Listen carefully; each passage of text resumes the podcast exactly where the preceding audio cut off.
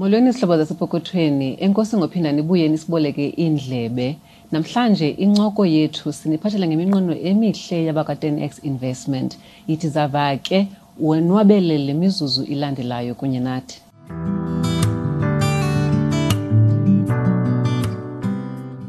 Khwezi, siyavuya iphinde sibe nawe nezihlobo zalapha epokothweni nani nonke kwa-10x kukho into exhaphakileyo endicinga kubalulekile uba sithethe ngayo hmm. ubuqhetseba okanye ifraud um yenzeka kakhulu futhi xa sithetha ngokutyalwa kwemali investment ngoba umntu ngamnye uyayifuna imali eningi kwatsho ingoma nje hmm.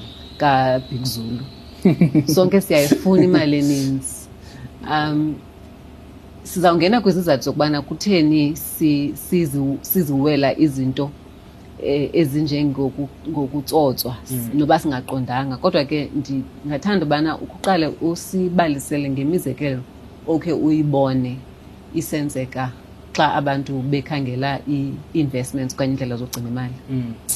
inkosi kakhulu ah, mandibulise ngokugqibela ah, kwizihlobo zasepokothini um I think Power 10X ngo-2020 um ndandiye epolice station negqwetha lethu wakho um, umntu kwi-intanethi um owayiphoza engathi ngu-10x wathatha ilogo yethu wabeka kwiwebsayithi yakhe yho ah, wathi hayi ungu-10x and le nto le ezi complaints zafika kwi-f s c a so i-f s c a ithi guys you know kwenzeka ntoni ah, kwenzeka ntoni abavalani le nto you know avulani ah, icase emapoliseni so that sikwazi ukuxelela abantu uba ningadilishi nalo mntu nanku 10 eggs um, you know, orayithi and i think eminye imizekelo uh, is if abantu bathi you know siza kunikeza i-guaranteed uh, i-return uh, or i-returns eziphezulu guaranteed okanye kuthiwe ngomso imali yakho izawube seyiphindaphindeke kayi-ten yes yes or 100 percent and um and e-, exesheni elikufitshane um azikho investment um ezizokunikeza imali engakho returns um ezingakho so i think if umuntu uva uva eligama elithi guaranteed and investment must be red flags mm. uba nobaleka um, oh, oh 100% oh 100% eh ungekapheli neviki yes um or, or if umuntu uthi risk free um, you know, in investment because I, I equal investment in a risk and omnya ngathi, you know, what if imali yam ndiyifaka ebhankini, you know, masijonge emva kwethu i-vbs bank mm. you know khona mm. abantu abadiphozitha imali kwa-vbs bank you know and then once u-vbs bank watshona baluza i-deposit zethu so akho investment engena-risk so mm. loo magama risk free um, you know high returns um, you know short space of time mm. um, into ezikhawulezileyo into ezikhawulezileyo yes mm. into ezikhawulezileyo funeka sizilumkele kakhulu um kube khona ke ngoku kule industry i-financial services um board kwaqela ukuthiwa yi-financial services board mm. ngoku sekuthiwa yi-f s c a mm. um kha kusichazele ubana i-financial service conduct authority afsca mm. yeah. yona ingobani iyintoni eyayo indima mm. eyidlalayo apha kwi-industry ukuze abantu bangaxhaphazeki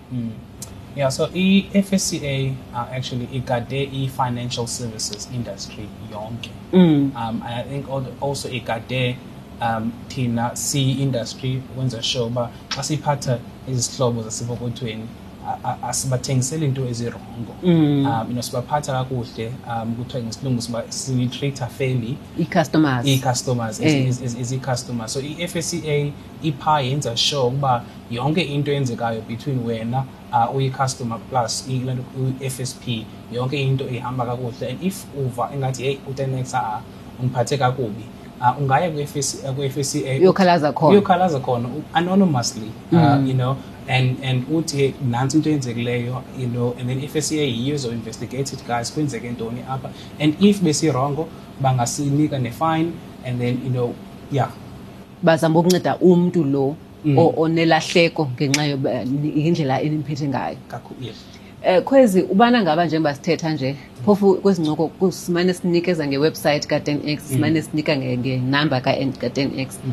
ungathi yinto erayithi into yokokubana okanye umntu yinto angayenza into yokokubana aye phaa kwi-f s c a ah, nakwiwebsayithi yabo okanye afone phambi koba afake imali Mm. eh akayojonga uba lo 10x sithetha ngaye silizela ngaye imihla yonke kuqala ubhalisiwe na Mm. naba bantu baphangela pha babhalisiwe na ungathi yinto leyo ekwazekayo kwenzeka into ekwazekayo kwenzeka ungaya kula website uh, u- ulanto under i-authorized financial services providers usetshe u-10x um, and then under u-10x uzobona ilanto ke i-key individuals uzobona i-representative mna xa ndithetha nawe efowunini ndiyi-representative yakwadengex mm. and ke ngoku if igama lam aliveli kulaa list yerepresentative se uyazi uba ngukhwezi orongo lo cima ifowuni and if i-details zam azikho phaa ungaqhubeki nomthetho because no and then andiyo representative yakwadengex akho mntu ongakwazi ukuthetha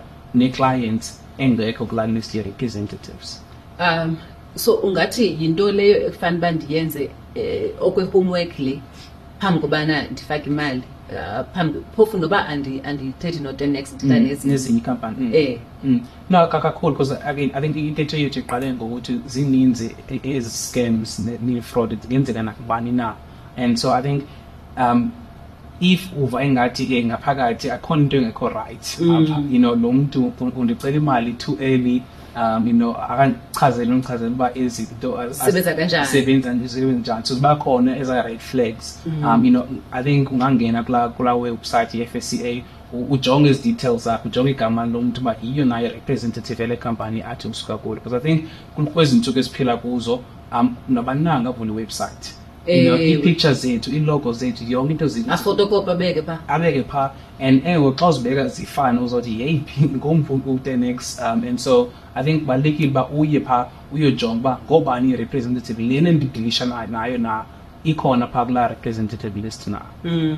xa xa abantu beqala uncokola no- notenex nezinye i-coffee investment companies kukhona le nto le ndaba yekoti mm. ikhona into phaa kwikoti engasiniki clue okanye sihluvise ubana yeyi mm. le into ngoku ayiseyiyongo ncam mm. ikhona into efuneka ungathi sizigade sizijonge kwaphaa mm. kwezi koti ziphumayo ukuze sibone into yokokubana yiyo na okanye seyinobutsotsi se, se, se, seyinobuqhetsela mm. ecaleni yeah i think kweli cala lequotes um into engenzeka i think kwi-experience yam ngoku ndandiyi-investment consultant uh, kwa-the next nam ndenzela abantu mm. uh, ilanduka iquote into endayifumana is that abantu bathenga i-investment ingathi bathenga uh, for example imaterial yokukha umzi mm. uh, you know if ndiya kwabuild it ndithi kazi zifuna izitena eziyi-five hundred mm. right if ndiyazibhala ezi zitena ndithi hey ziyi-four hundred ndiyakwazi ukuthi build it benithe izitena zizoba yi-five hundred ngoku ziyi-four hundred ziyi-four hundred and so ndicela ezinye nigcwalise zizogcwanela mm.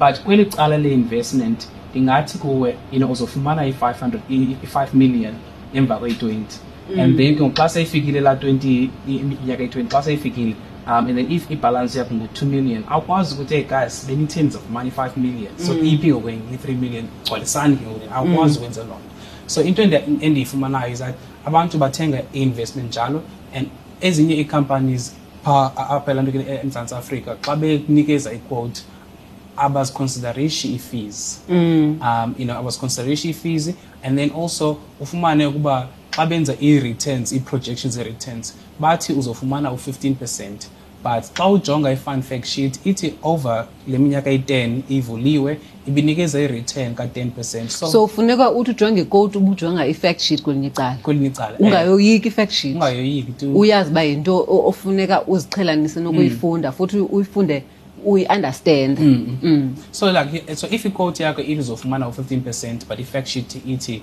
you know le fund ingeni over the past 10 years inikeze u-5 percent then lo 10 percent uzongena uzofika phi mm. yeah uh, and so nazo ke i think i-red flags ongathi a le quote no even though ijongeka engathi ndizofumana imali eninzi ekugqibeleni mna xa sendigqibile eli xesha lokutyala imali yam i think ndim ozokhala ngoba ndiwelele le quote e, e, e, ebijonga ingathi noko izondinikeza imali eninzi kodwa ke ngoku um ayenzanga loo nto and akho mntu endingaya kuyo ndithi heyi nindrobhile mm. ngoku ke um ndicinga uba usichazele into yobana i-f s c a isikhusela kanjani na mm. kodwa ndingumntu mna okukholela into yobana funeka ndizijonge um ndingaweli yonke into ndiyibaliselwayo nje mm. ah, zeziphi mhlawumbi izinto onothi zisenza singabantu sirhale hmm. urhala okanye yintoni le esenza into okokubana sikhawuleze sivuyele la mathuba hmm. um kuthethwa ngawo hmm. sibhabhazele sifuna ukungena kuwo um i think two weeks ago benithetha nomntu osebenzela i-regulator but kodwa eswaziland but iyafana nale ye-fcca and i think enye iyila nto kwi-responsibility ye-fcca kusinikeza ii-warnings uba ye ndingadilishi nale financial services provider aregisterishanga ngu-FACA irobha abantu nezinto ezinjalo so bayasinika ezi-warning so um, le regulator ibisithi siyazinikeza ii-warnings kwabantu sithi guys si-scam esi mm. kodwa abantu silalunyukiso kodwa simameli e, asimameli ngoba sibona ezi return so ebethi la, la, la regulator abantu bajike bathi hey nina nomona ngoba sizofumana oh. sizofumana ii-returns ezininzi apha and isifuna uba nathi sibe nemali sibe nemali and then ke abantu batyelwe imali and then siphinde sikhalele kwi-f c sithi guys kutheni into ningasibonishanga but besibonishile but khange simamele yho ngoku eyi yabona ke ngoku yenye ke khaye ndiyicingileyo yobana sithi silumnyukiso Mm. kodwa thina singamameli Mm. singeva Mm. kuba kaloku sicinga into yobana siyamonelwa Mm.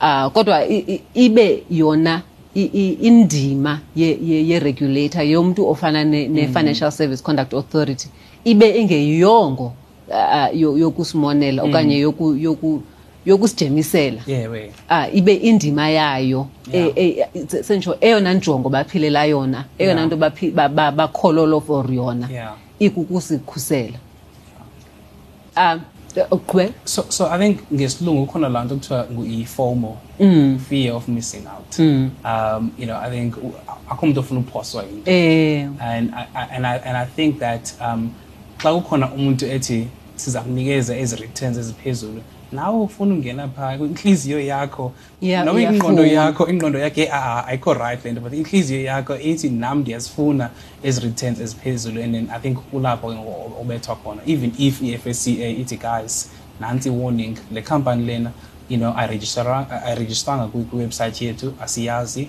sanodilisha nayo Uh, xa sizawugqibezela incoko yethu ndicinga uba kubalulekile into yobana abantu bayazi ubana badibana kanjani no-ten x mm.